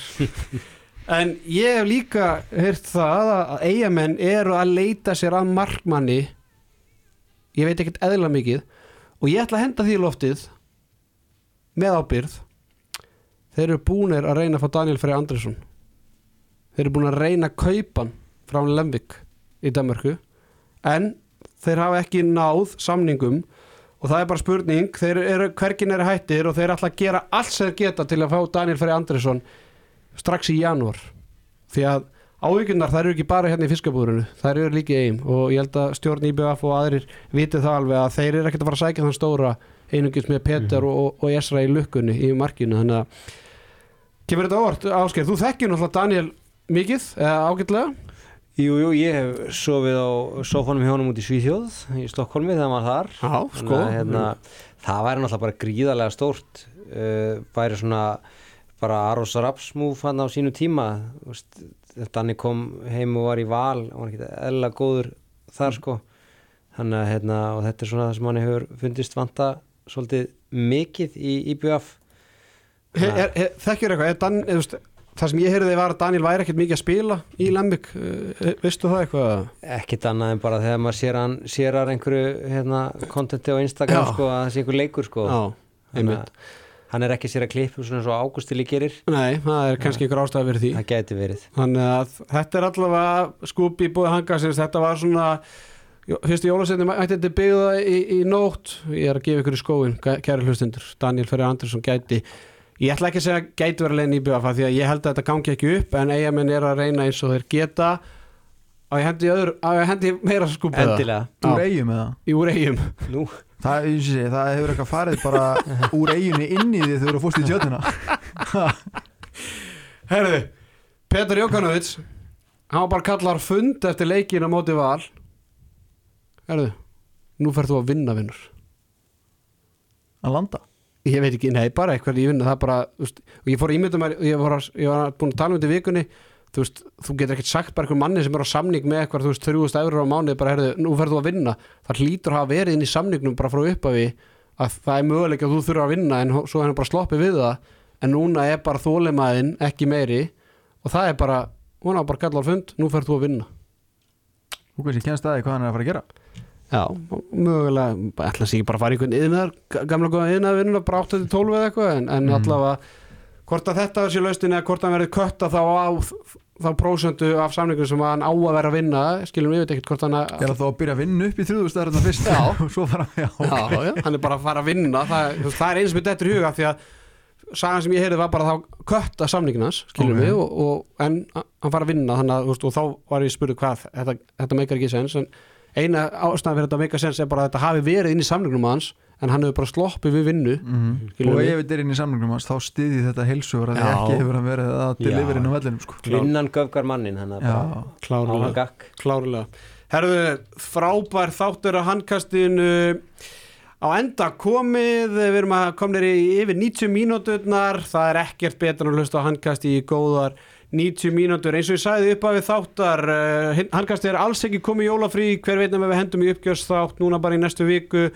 Rétt fyrir jólin alltaf pitturinn að mæta strákarnir sem stjórna umræðin um íslenska formúluna. Við ætlum að fara að hitu fyrir HM í handbólta sem hann fyrir í janúar. Svo byrjum við bara strax í upphæfi janúar þungavittan, Dottorfútból, stíðdagskrá.net hæ hæ, þarf alltaf að vera grín og ég veit ekki hvað og hvað. Þetta verður ykkur svaðaleg veistla stimmið, þú veist að þú verður gestastjórnandi ykkur um einu tveim þáttum. Já ég, einmitt, ég, bara, ég byrjar undirbúið Já. Herra Ásker Gunnarsson, takk kærlega fyrir komuna, við munum engin spurning, við fáum þig aftur þegar líða fyrir að jólum á næsta ári. Mikið jólabab, mikið jólabab Herðu, endum þetta á lofa gersinni sérfræðingurinn þakka kærlega fyrir sig. Eigi góða vinnuvíku